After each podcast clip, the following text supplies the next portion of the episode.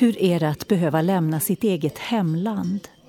Du ska få höra hur det var för Ester och hennes familj att fly till Sverige. Välkommen till Hannas Café. Jag heter Stina Backlund. Och jag heter Maggan Johansson.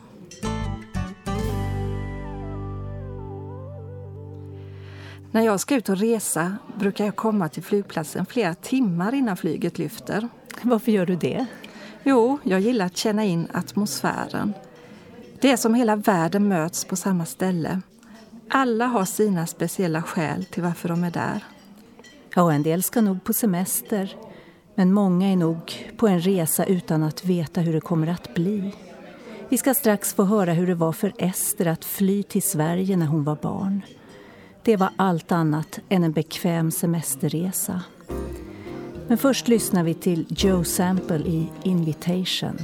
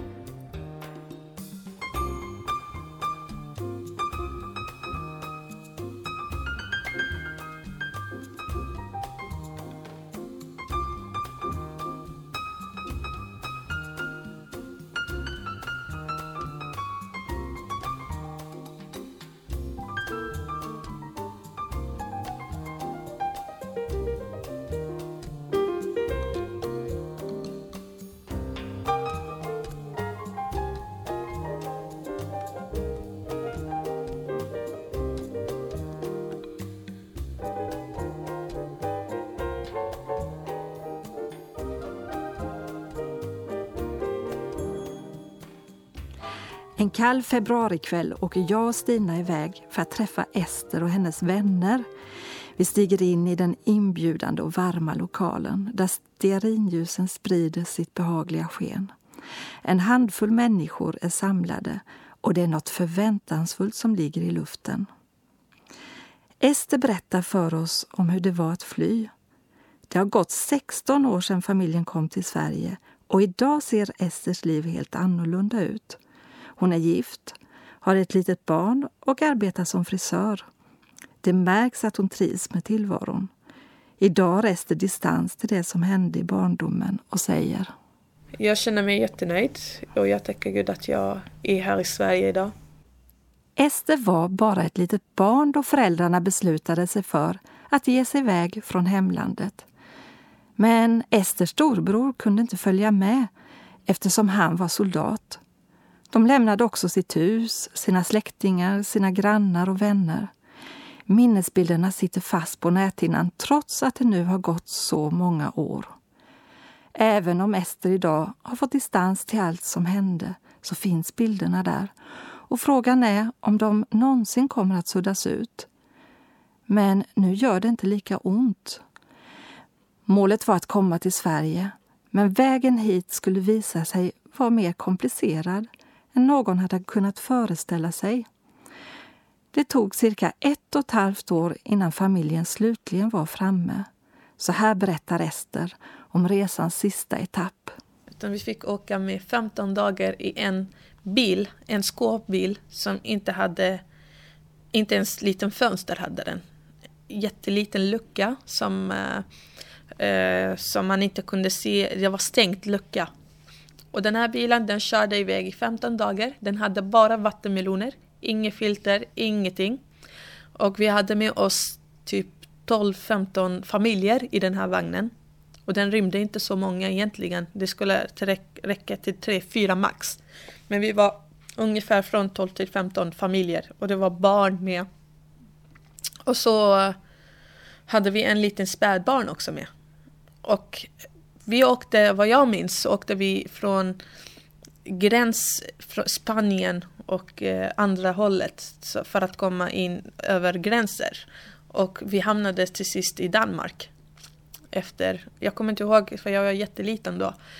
Och vi stannade jättemånga och sen när vi, precis när vi kom till gränsen eh, på något land så började det här spädbarnet gråta. Och när hon grät då kunde inte hennes mamma trösta henne eller hennes pappa. Så hennes pappa la en kudde över henne och hon skulle dö. För, på fem minuter.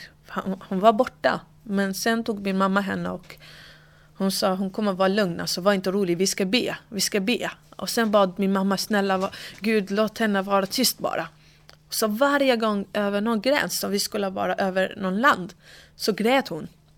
Den här lilla flickan. Så vi bara vi var rädda. Och sen de gav mutor ju varje gång man stannade. Så vakterna kom och slog på dörren, på bakdörr. Öppna, ni har, ni har folk där inne i skåpet. Och varje gång de gjorde så, så var vi alla rädda. Vi var helt tysta. Ingen, ingen kunde se något. Och sen det tog några dagar tills vi kunde gå på toaletten. Eller männen gjorde det i, i bilen. Så det var värst alltså. Så att man mådde dåligt. Sen vi åt inget. Det var bara vattenmeloner och några brödstycken. Färden gick genom många länder. Ester drar sig till minnes att hon blev sjuk när familjen var i Ryssland. Pengarna tog slut, ingen av dem kunde språket och det fanns ingen där för att hjälpa dem vidare. Ester och hennes mamma hamnade på ett sjukhus. Men mamman var rädd att personalen skulle fråga efter deras dokument och därför lämnade de sjukhuset. Huset familjen bodde i var både ohälsosamt och smutsigt. Just att jag fick den här viruset det är för att vi bodde i ett eh, sånt där stort hus som massor av irakier, eh, 10 till 15 familjer som hade bott i det här huset innan. Och de var också på flykt. Och eh, det här huset de hade massor med flaskor eh, av mjölkflaskor och filmjölkflaskor sådär. Och den, var, den hade varit funnits där över två, tre år, de här flaskorna. Ingen har rensat huset. Så det var ett virus av sådana smuts och eh, bakterier. Och så hittade vi biblar och vi, hade, vi hittade väskor som de, fick, som de var tvungna att lämna. För det var som om någon eh, maffia som hade kommit in i huset, och stormat in. Och eh, jag vet inte om de hade dödat dem eller om de hade gjort det, men vi fick höra av dem som bodde där innan. Skulle de överhuvudtaget komma fram till Sverige? Hur skulle de komma vidare? Så var det den där langaren, han som skulle hjälpa oss att fly då. Han tog med oss på ett helt annat ställe som var långt bort från uh, landet. Det var ökn på något sätt. Ingen kunde komma ut eller in. Man måste ha en bil. Och den här bilen kunde köra 3 till 4 timmar. Och vi kom med bussar dit. Och sen, det fanns inget vatten, fanns ingen mat, fanns ingenting. Och vi skulle vara tvungna, varje dag sa de till oss, imorgon ska ni få åka till Sverige. Men det var tomma löften. Föräldrarna bestämde sig för att åka till Moskva och därifrån ringde Esters pappa till en släkting i Sverige och bad om hjälp. Ester och hennes mamma var fortfarande sjuka och behövde medicin. Släktingen skickade aldrig några pengar och hela familjen fick stanna kvar i Moskva. En person lovade att hjälpa mamman och barnen men pappan skulle inte få följa med. Och eh, då sa min mamma nej, för hon visste att om vi skulle lämna dem, vi skulle inte träffa dem igen. För vi hade inga pengar, vi hade inte råd. Så sa mamma, antingen alla eller ingen av oss. Och han sa till henne, men ni mår dåligt ju, jag ser, ni kommer dö här. Så hon bara, nej, så är det, antingen eller. Och så eh, efter en månad så tog han med pass. Men det där passet, vi trodde att vi skulle åka flyg till Sverige. Utan det var inte så. Som ni hörde i början av inslaget fick familjen tränga ihop sig i en skåpbil tillsammans med flera andra personer. Väl framme i Sverige hamnar de till slut på en flyktingförläggning i Mellansverige. Vi lämnar Ester för den här gången, men i nästa program ska du få höra hur det gick för Ester. Det har gått 16 år sedan flykten. Det har varit många hinder att ta sig igenom. Men idag känner sig Ester hel som människa och hon säger själv att Gud har gjort under i hennes liv. Missa inte fortsättningen i nästa program.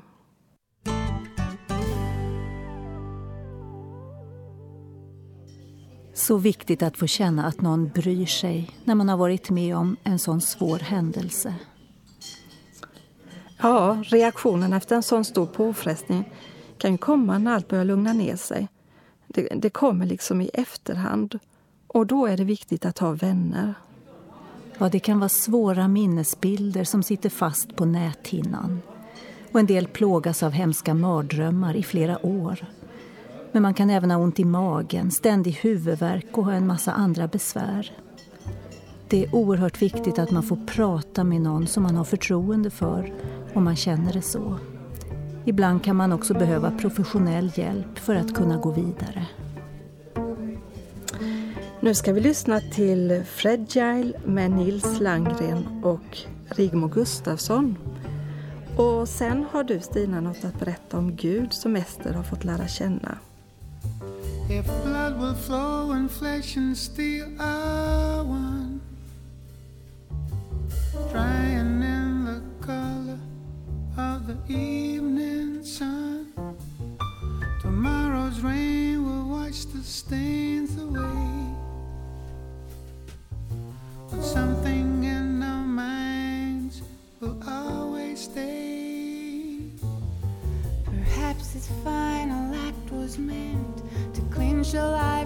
argument that nothing comes from violence and nothing ever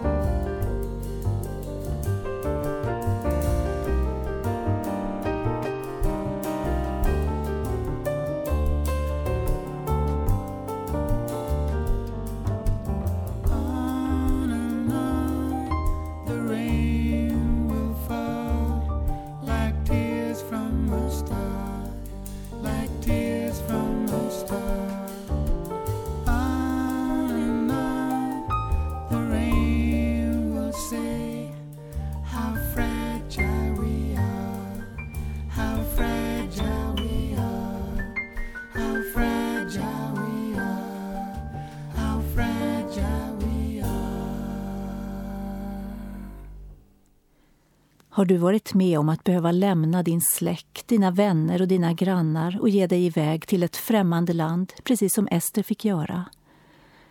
Guds tanke för oss människor är att vi ska få ha en plats, en gemenskap och en familj där vi hör hemma. Alla människor bär på en berättelse. Du kanske inte känner till Bibeln men har ändå hört talas om olika människor som man faktiskt kan läsa om i den boken. Bibeln är en berättelse om Gud som lever nära människor mitt i deras historia. Det är en berättelse om hur människor hoppas på en bättre tillvaro. Har du hört talas om Mose? Det står om honom i Bibeln. När han föddes var han på flykt undan döden. Hans mamma gömde honom nämligen i en korg i en flod bland en massa växter. Faraos dotter i Egypten hittade honom och tog med honom hem till palatset och hon tog hand om honom som sin egen son. När Mose var vuxen var han tvungen att lämna landet. Hans folk levde som slavar och han skulle leda dem ut ur Egypten. Folket vandrade i öknen i 40 år. Gud såg hur folket led och han hade faktiskt förberett Mose för den stora uppgiften att leda folket ut ur en omöjlig situation. Kom ihåg att när vi känner att livet är fullständigt hopplöst håller Gud på att förbereda en väg ut ur hopplösheten. I Bibeln står det så här om folket som levde som slavar. Deras rop över slaveriet steg upp till Gud. Och lite längre fram står det att Gud kände vi dem som sina. Du kanske inte känner Bibelns Gud ännu. Men Gud som har skapat universum känner dig och vet vad som händer med dig. Du har kanske hört talas om Jesus, men bara som en profet. Jag vill gärna berätta för dig om Jesus. Bibeln lär oss att Jesus är Guds son, både sann Gud och sann människa. Många människor hade hört talas om att Jesus skulle komma till jorden, för det hade profeterna sagt. De trodde att han skulle rädda folket från deras förtryckare och bli kung. Ibland kan det vara ganska lätt att missförstå och det var just det som hände. De förstod inte vem han var och vad han skulle göra. Det fantastiska är att Gud själv valde att bli människa. Han föddes som ett litet barn i ett smutsigt stall för mer än 2000 år sedan. Kan du tänka dig att Gud som har skapat hela universum, alla människor, växter och djur, inte fick ett bättre ställe att bo på när han kom till jorden? Och redan som liten nyfödd bebis blev han flykting. När han blev vuxen botade han många sjuka och han gjorde till och med döda levande. Han mötte människor med en oerhörd kärlek och respekt. Jesus kom till jorden av en enda orsak. Av kärlek skulle han offra sitt liv för oss människor. Gud som blev människa i Jesus valde att i sin egen kropp ta straffet för mänsklighetens ondska genom att dö på ett kors. Där bar han också våra smärtor. Din djupaste smärta är inte främmande för honom. Han vet vad lidande innebär. Det som hände där på korset är svårt att förstå men synden och döden besegrades och du och jag kan få ta emot förlåtelse och evigt liv. Jesus blev levande igen och han har öppnat vägen till Gud, vår far. Vi får ha gemenskap med honom här och nu, en gemenskap som sträcker sig bortom döden, ända in i evigheten. Jag vill läsa en mycket känd vers från Bibeln. Ty så älskade Gud världen att han utgav sin enfödde son för att den som tror på honom inte ska gå förlorad utan ha evigt liv.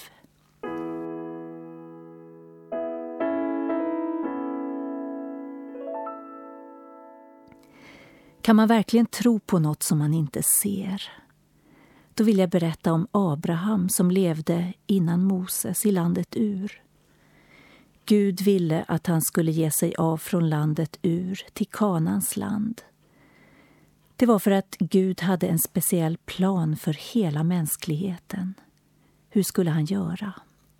Så här står det i Första Mosebok. Herren sa till Abraham Gå ut ur ditt land och från din släkt och din fars hus och bege dig till det land som jag ska visa dig. Där ska jag göra dig till ett stort folk. Jag ska välsigna dig och göra ditt namn stort och du ska bli en välsignelse. Jag ska välsigna dem som välsignar dig och förbanna den som förbannar dig. I dig ska alla släkter på jorden bli välsignade. Ville verkligen Gud att han skulle packa ihop allt han ägde och ge sig iväg? Var inte det lite väl mycket begärt av Gud? Det var säkert ett svårt val. Abraham valde att lita på Gud. Det var säkert lockande att stanna kvar istället för att börja en vandring tillsammans med Gud. En vandring som han inte hade någon kontroll över.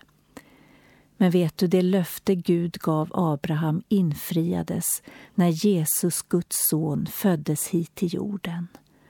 Han föddes ur Abrahams släkt och genom Jesus kan alla människor få en relation till Gud och bli välsignade. Vet du, Jesus är närmare dig än du tror. Han är faktiskt hos dig just nu och han längtar efter en evig gemenskap med dig. Egentligen är vi alla gäster och främlingar i den här världen. Man kan säga att vi är på en pilgrimsresa.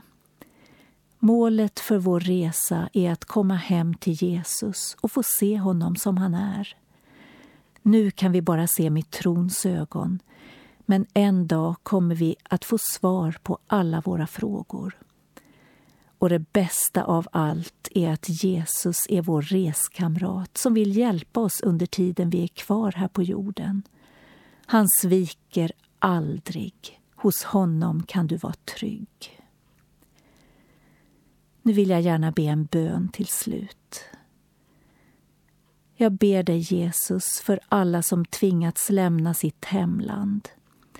Jag ber för dem som bär på svåra minnen och upplevelser. Kom med din läkedom. Låt dem få känna sig trygga och välkomna i Sverige. Sänd goda människor i deras väg och låt dem få känna din gränslösa kärlek. Amen.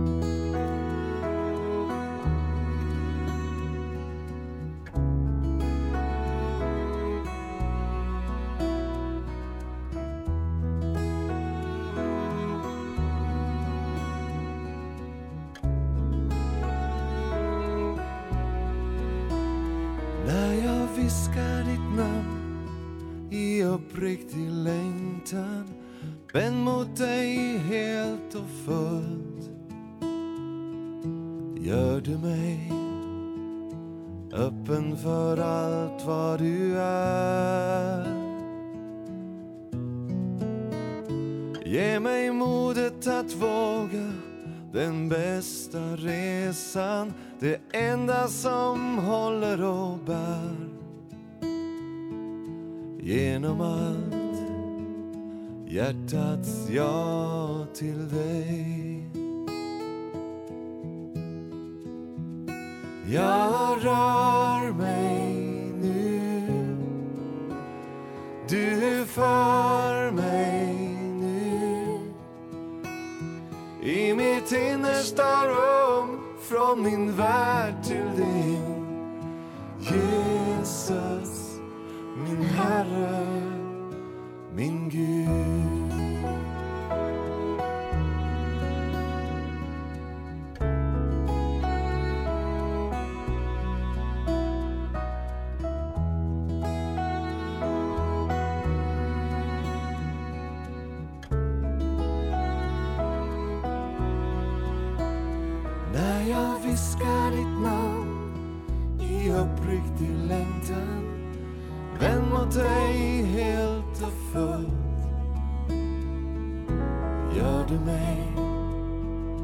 öppen för allt vad du är Ge mig modet att våga den bästa resan Det enda som håller och bär Genom allt hjärtats ja till dig. Jag rör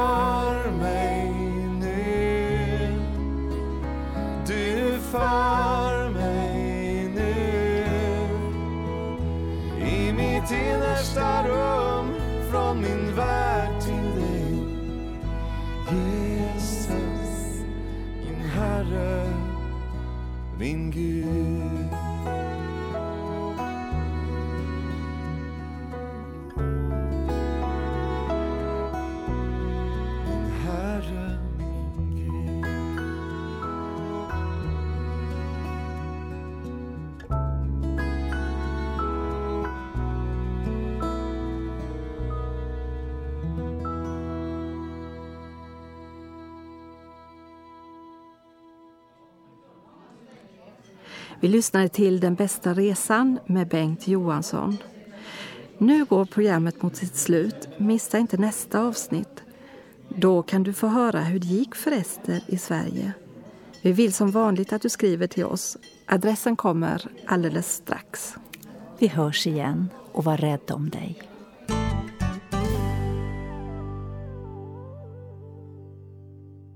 Hannas Café är producerat av Stina Backlund och Maggan Johansson för Norea Radio Sverige med adress Östergatan 20 262 31 i Ängelholm. Mailadress ph och webbadress www.hannascafé.se